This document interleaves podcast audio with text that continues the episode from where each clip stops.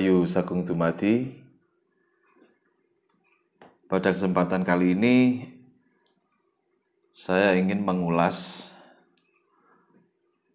uh, tentang petuah bini kita yaitu ngilmu kelakone kanti laku.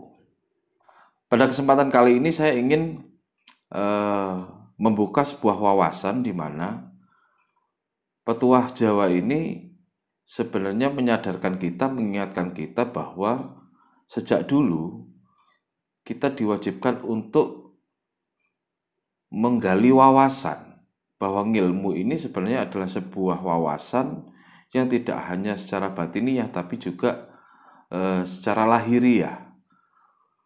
Perlunya kita mendapatkan, perlunya kita menggali wawasan, perlunya kita mendapatkan pengetahuan atau yang bisa dibilang ilmu itu adalah agar dalam kehidupan tatanan kita eh, kita menjadi tahu apa yang harus kita lakukan.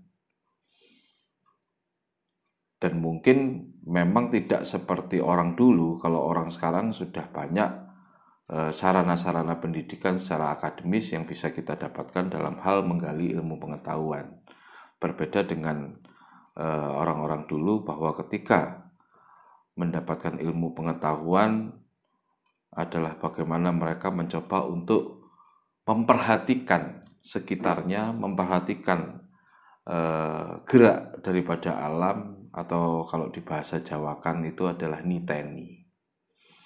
Nah, ilmu kelakone kanti laku adalah sebuah konsep dasar ilmu yang tidak hanya dibayangkan,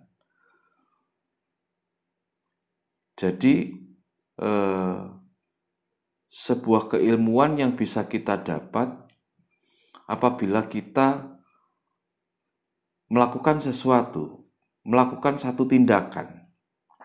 Nah, justru di sinilah yang menjadi menarik bahwa seharusnya ketika eh, petuah ini disampaikan sejak dulu, seharusnya menciptakan satu budaya masyarakat yang cerdas. Mengapa demikian? Karena sebenarnya kalau kita mau terjemahkan dalam konsep bahasa Indonesia, ilmu kelakon kanti laku ini sebenarnya hampir sama dengan eh, bagaimana kita menjalankan eh, kegiatan berliterasi. Nah, di mana kegiatan berliterasi ini adalah sebuah kemampuan terkait bagaimana kita bisa membaca, kemudian kita bisa e, menulis, lalu kita bisa menganalisa dari semua bacaan-bacaan yang kita baca, sehingga e, kita bisa menyimpulkan Nah, ini adalah sebuah hal yang bersifat literate atau literasi.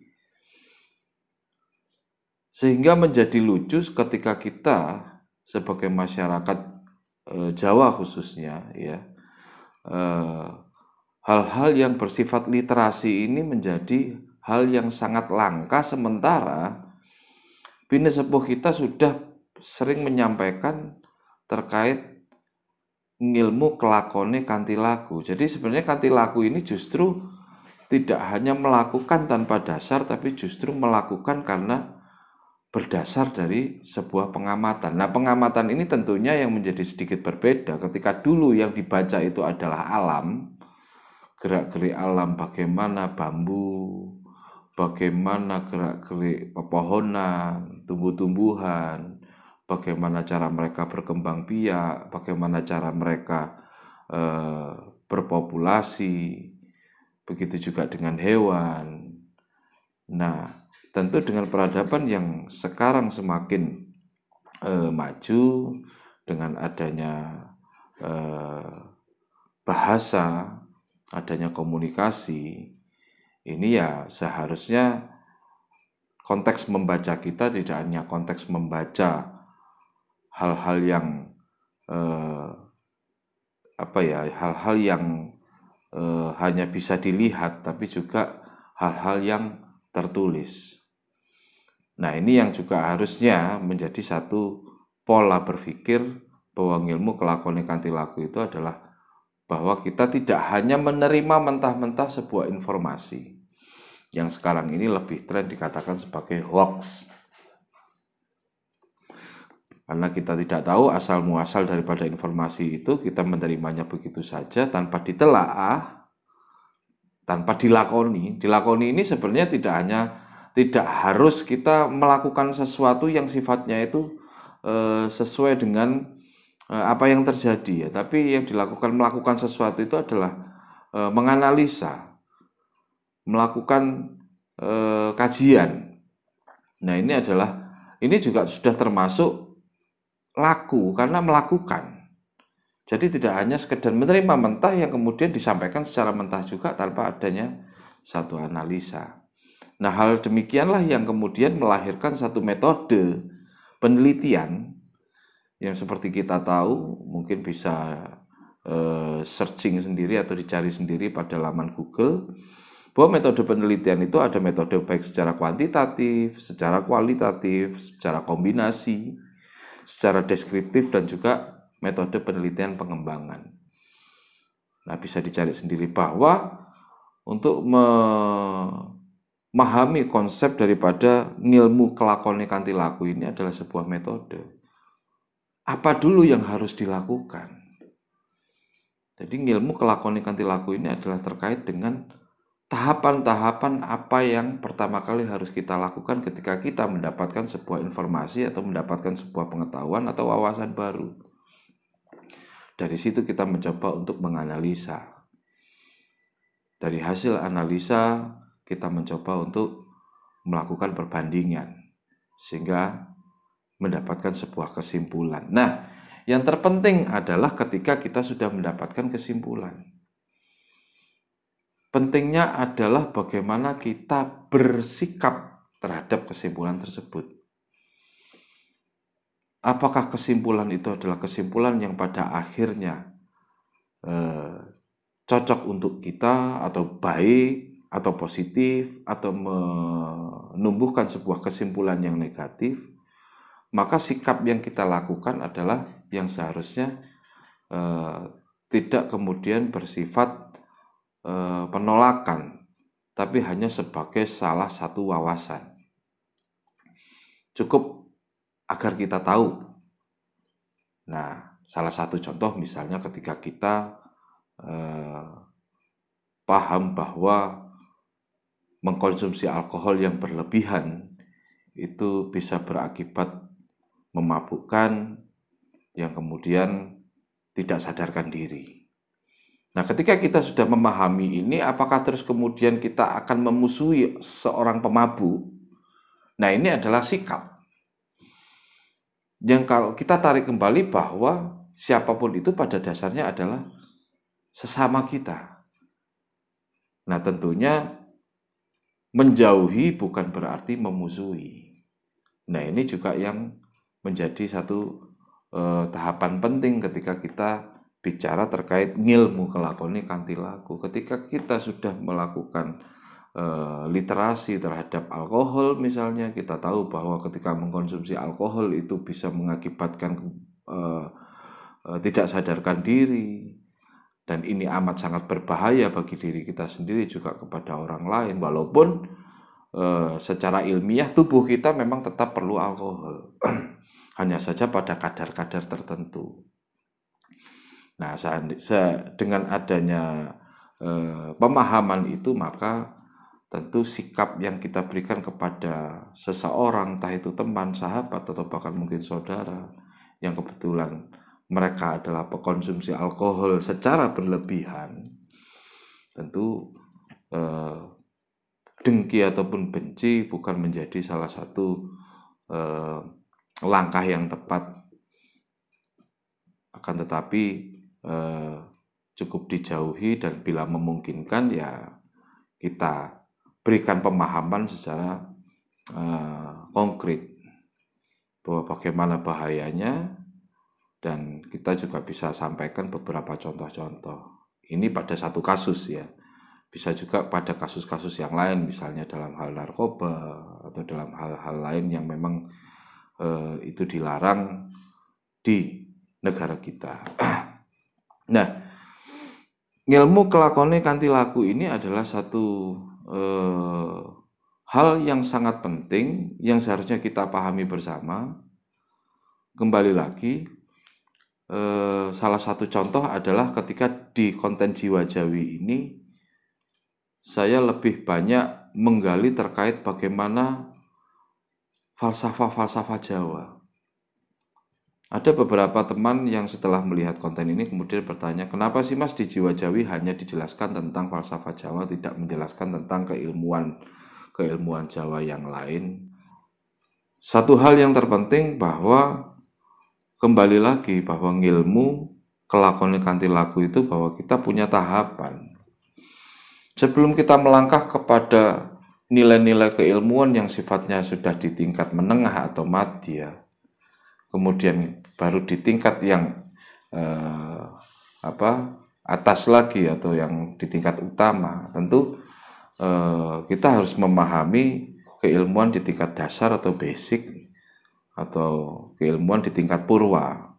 Makanya kita memiliki di dalam sekolah di dalam pendidikan ada sekolah dasar sekolah menengah pertama sekolah menengah atas hingga pada akhirnya di perkuliahan universitas. Nah begitu juga dalam konsep jiwa jawi ini kita eh, banyak saya banyak eh, ingin mengupas bagaimana filsafat-filsafat Jawa atau filosofi-filosofi atau eh, falsafah ini adalah dasar-dasar bagi kita sebelum melangkah ke hal yang lebih jauh lagi. Misalnya untuk membahas terkait masalah sastro jendro. Kemudian eh, membahas terkait masalah uh, kalau caroko misalnya.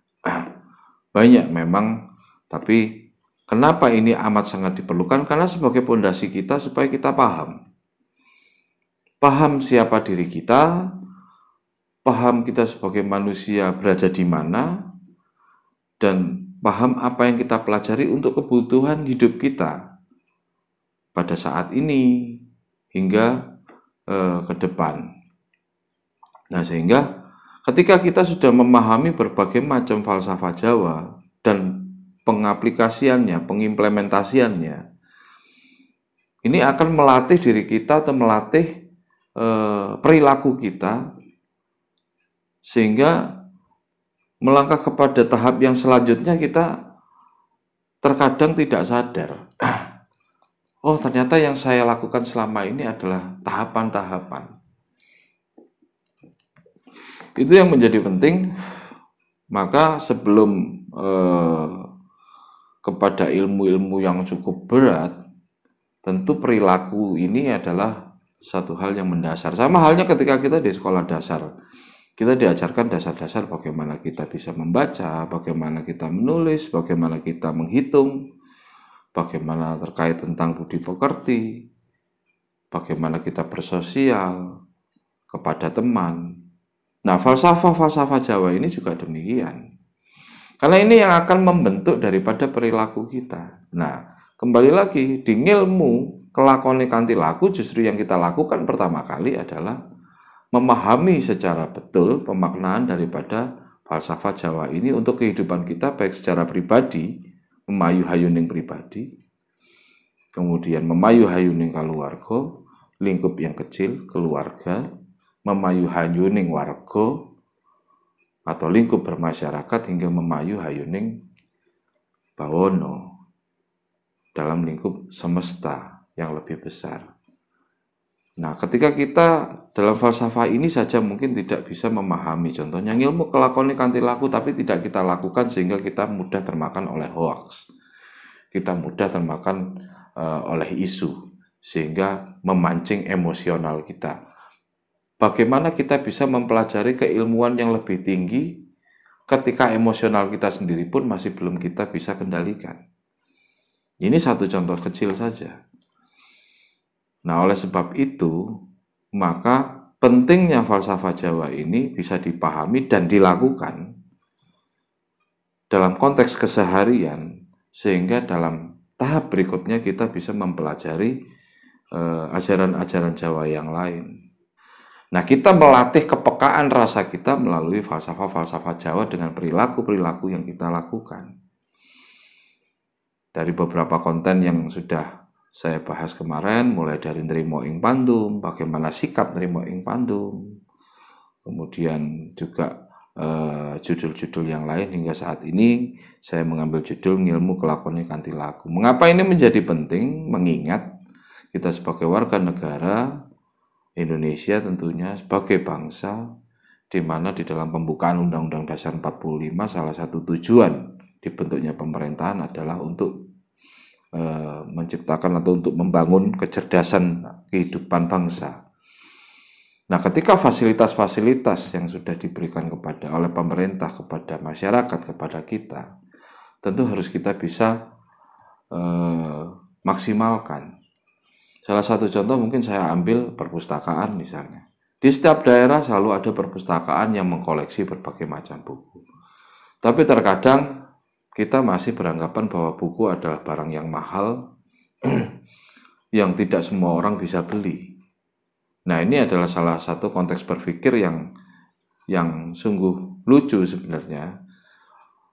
Ketika kita merasa mendapatkan satu buku dan buku itu terlihat mahal, sebenarnya kita bisa mengajukan permintaan kepada perpustakaan daerah karena di sana juga ada kritik dan saran bila kita memang menjadi anggota perpustakaan dan mendaftar perpustakaan pun juga gratis tidak dipungut biaya Artinya kita bisa mengajukan judul buku itu. Asal kita juga paham bahwa buku itu tidak kita perlukan secepatnya. Hanya sebagai salah satu referensi. Bahwa saya ingin membaca buku ini tapi ternyata buku ini harganya cukup mahal. Di atas angka 300 ribu misalnya. Tapi eh, informasi di dalamnya cukup penting. Kita bisa ajukan itu. Kita gunakan fasilitas yang sudah ada. Nah ini salah satu contoh kecil bagaimana kita bereaksi terhadap eh, fasilitas yang sudah ada. Belum lagi perpustakaan-perpustakaan di daerah-daerah atau misalnya di kecamatan misalnya atau di kelurahan. Saya yakin pasti ada apabila kita mau menggali kembali. Nah, inilah yang dinamakan ilmu kelakuan kanti laku adalah ketika kita melakukan sesuatu. Jadi tidak hanya sekedar menerima ilmu itu, secara mentah kita kemudian diamkan saja tidak melakukan sesuatu ya kita tidak akan mendapatkan manfaat dari ilmu itu itu yang cukup eh, penting. Nah ketika kita sudah terbiasa terhadap ilmu kelakuan ikanti laku artinya kita melakukan sesuatu menelaah menganalisa ini juga eh, akan berimbas apalagi era sekarang sudah era teknologi di mana e, keilmuan tidak hanya bisa kita dapatkan di dunia nyata tapi juga di dunia maya seperti kita tahu sendiri banyak sekali website-website yang terkadang kita tidak tahu apakah itu website resmi ataukah itu website yang hanya abal-abal. Begitu juga media-media sosial. Nah tentu di sini kita perlu sekali banyak kajian dan banyak perbandingan. Nah bahwasanya yang dinamakan ilmu kelakuan kanti laku ini tidak hanya berlaku pada nilai-nilai yang bersifat batiniah atau rohaniah, tapi juga eh, mendapatkan wawasan secara lahiriah, secara jasmaniah, disesuaikan terhadap kehidupan kita. Misalnya kita seorang pebisnis atau pengusaha, kita seorang pedagang, kita seorang pekerja swasta, pegawai swasta, tentu banyak ilmu-ilmu uh, yang bisa kita dapatkan kita sesuaikan uh, dengan profesi kita tentunya. Nah, hal ini akan menjadi keseimbangan dalam kehidupan. Jadi jangan sampai kita juga mengambil ilmu yang terlalu tinggi untuk kehidupan kita yang sebenarnya masih belum kita perlukan. Sehingga di, nanti di situ akan banyak sekali ketimpangan-ketimpangan yang juga bisa dibilang, loh yang saya pelajari ini itu seperti ini. Tapi ternyata di dalam kehidupan saya bermasyarakat yang saya alami seperti ini. Nah terkadang mungkin secara tidak sadar eh, kita menggunakan ilmu yang terlalu tinggi untuk hal yang sifatnya eh, biasa saja sehingga kelihatannya jadi ribet. Nah itu juga eh, perlu dijadikan sebuah pemikiran sehingga menjadi penting karena eh, dengan kita membiasakan untuk melakukan tahapan-tahapan dalam eh, mendapatkan sebuah wawasan atau ilmu pengetahuan, ini juga akan eh, berpengaruh kepada cara kita dalam hal berpikir dan juga merasakan. Sehingga yang dikatakan pengalaman adalah guru terbaik bahwa pengalaman ini didapat daripada hasil analisa dan juga hasil daripada eh, perbandingan tersebut sehingga muncul sebuah kesimpulan. Dan tidak disadari sebenarnya eh, kita akan biasa melakukan research atau penelitian terhadap sesuatu. Dan kembali lagi yang terpenting dalam ilmu kelakuan kanti laku adalah tidak berhenti pada kesimpulan tapi juga sikap bagaimana kita sebagai manusia bagaimana kita sebagai uh, warga negara untuk bisa tetap menciptakan eh, hal-hal yang membangun, yang positif dalam kehidupan berbangsa dan juga bernegara. Demikian yang bisa saya sampaikan pada kesempatan kali ini.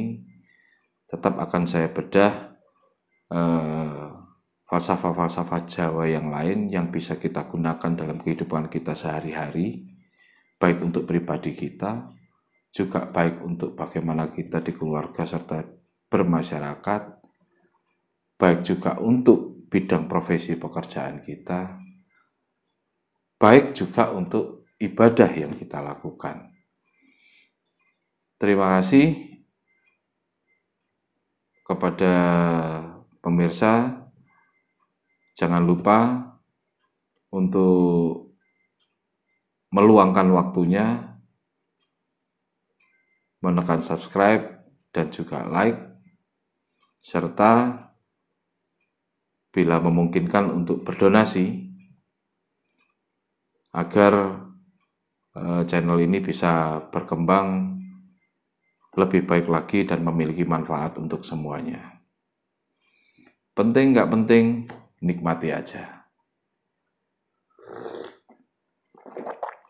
Karena hidup sederhana. Terima kasih. Rahayu, rahayu, rahayu, rahayu, sagung tumati.